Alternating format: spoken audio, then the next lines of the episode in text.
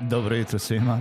Kako ste? Nadam se da ste dobro i spremni za novi radni dan.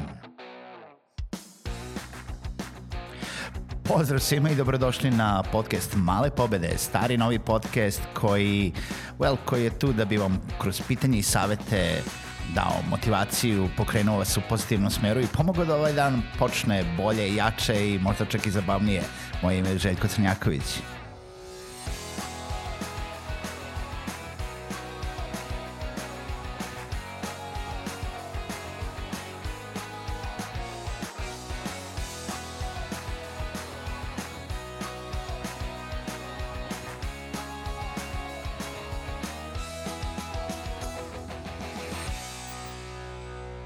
Pozdrav svima, dobro jutro i dobrodošli u novu epizodu podcasta Male pobede. Moje ime je Željko Crnjaković i sa vama sam i ovo radno jutro ili popodne ili uveče ili nebitno kada slušate ovaj podcast. Um, hvala vam što slušate, hvala vam. Nemojte zaboraviti da posetite sajt malepobede.rs i nemojte zaboraviti da se jel, prijavite i pretplatite pod navodnicima, uh, to je subscribe-ujete na bilo koju platformu gde slušate Male pobede, jer na taj način obezbeđujete sebi da svaka nova epizoda, svaka uh, epizoda koja ide svaki radni dan jednostavno bude u tim vašim notifikacijama i da ne propustite ni jednu epizodu, ako ništa drugo, uh, da je sačuvate za neko kasnije slušanje. Uh, u današnjoj epizodi želim da poželim dobro jutro svim, uh, svim prijateljima, preduzetnicima, paušalcima, knjigašima, nebitno sve one koje će da kači potencijalna, potencijalne izmene u oporezivanju, da se malo vratimo na neke aktualne teme. Inače,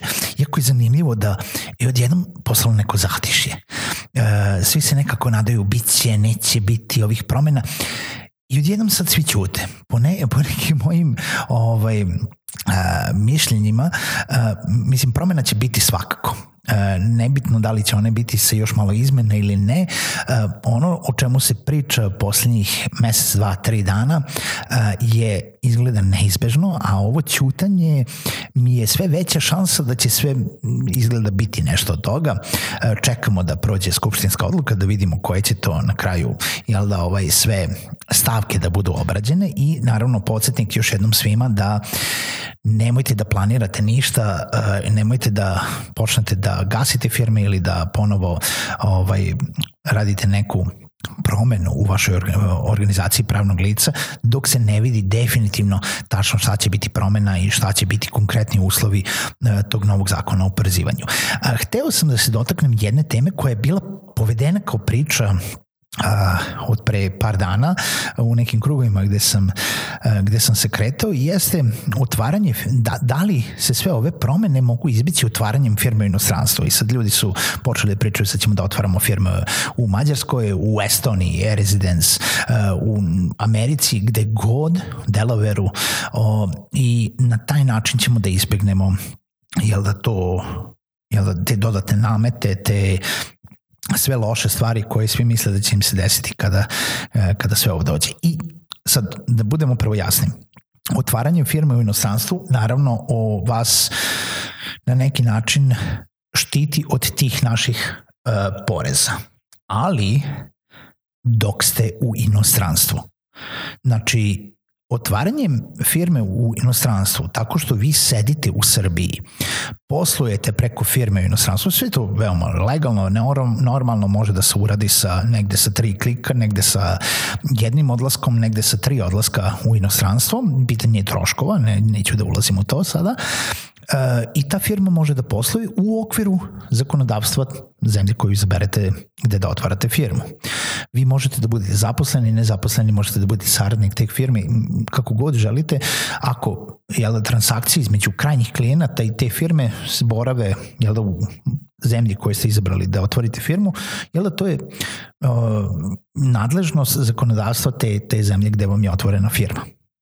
Ali, ukoliko vi sedite u Srbiji U momentu kada vi počnete da prebacujete vaše pare nazad na vaš račun u Srbiji, nebitno da li prebacujete kao uh, vašu platu, kao profit, kao bilo šta što treba da prođe kao transakcija elektronska između banaka, u tom momentu vi unosite vaš profit nazad u ovu zemlju, vi ste i dalje rezident Srbije i kao takav ste dužni da plaćate porez. Porez na ličnu dobit. To je isto ono kao kad e, smo imali ranije od e, nekog freelancinga, e, da ukoliko freelancer nije prijavljen, nego samo ovo, dobija pare negde u inostranstvo, pa onda vadite pare, dužan je da ode sam sebi da prijavi porez i da plati skoro 50% na taj porez, poreza i doprinos. To je na taj iznos poreza i doprinosa. Tako da, u momentu kada vi počnete da prebacujete pare vama, tako što ćete sedeti u Srbiji, a vaša firma će biti negde u inostranstvu, vi opet spadate u neku poresku grupu unutar Srbije i niste uradili ništa. Jedini način da izbegnete to što ste sad, što smo pominjali, što ste možda zamislili tako što ćete otvoriti pare u inostranstvu, jeste da odete svaki put kada vam trebaju pare u inostranstvo i da tamo podignete pare. I naravno, ukoliko se vraćate preko granice sa više od 10.000 evra, onda, vas, onda morate ili da ih prijavite ili da vas ukebaju ili ne znam nija šta ukoliko se vraćate sa manje od 10.000 evra, onda, bože moj. E sad, da li vam se stvarno isplati da svaki put kada vam trebaju pare, a to vam se dešava verovatno na mesečnom nivou, jer ako se ne dešava na mesečnom nivou, onda će verovatno biti neki veći iznos para. Ovaj, ako idete jednom godišnje po pare, mislim, od nečega morate da živite realno, ako radimo već. Da li vam se isplati da svaki put kada dobijete pare, platu, uh, potrebnu isplatu, idete preko granice da bi na nekom bankomatu u inostranstvu podigli pare i ovaj, jel, doneli ovde da živite sa time. Mislim, neću ni da ulazim u celu priču da će vas neko pitati odakle vam pare. Ili kako ste ga uneli, koje je poreklo para kada budete morali da ga pravdate ili kada, bude, kada vas neko bude pogledao. U to uopšte neću da ulazim. Da li vam se isplati da putujete za svaku transakciju preko grane? u najvećem broju slučajeva ili ako radimo na neku ono tipa mišljenje da, da ćemo ovo da radimo, jel da sad, jer moja firma ne treba da radi mesec dana, ne treba da radi tri meseca ili šest meseci, nego treba da radi, jel da? I da će to biti neki duži vremenski period. U najveću ruku verovatno ne. Tako da e, sve te e, sva ta mišljenja, sva te, sve te ideje oko otvaranja firme u inostranstvu funkcionišu samo dok ste u inostranstvu. Zato se i većina ljudi nažalost ka, ka okreće prema ideji da se iseli i onda da se nastani negde gde će odakle će moći normalno da posluje. No opet, treba razmišljati o tome da nije još ništa prošlo kroz Skupštinu, čekamo da prođe, čekamo da vidimo šta će da budu sve ove uh, opcije i nije za svakoga ni to opcija. Nije opcija za svakoga da digne sidro i da ode. Mislim, nije to uvek tako jednostavno. Tamo, ovaj, meh, jednostavno nije jednostavno. Ajde da ostanemo na tom. Tako da, um, ovo sam hteo veoma, veoma jasno da vam kažem da to nije finalno rešenje sa kojem treba da se vodite, da će biti rešenje za bilo što što se sada dešava. Znači i dalje moramo da nađemo neko rešenje, neku opciju, neku, neki modalitet toga šta ćemo da radimo i kako ćemo da poslujemo unutar Srbije ukoliko želite da ostanete. A nije, nije fazon da svi odemo. Baš nije fazon. Znam da je ono tipa izraz sve sranje zauvek i znam da e, ne pomažu sa svime ovime što se dešava niko ne pomaže nekom zdravom ekosistemu preduzetništva a, normalnog poslovanja, olakšica za male firme.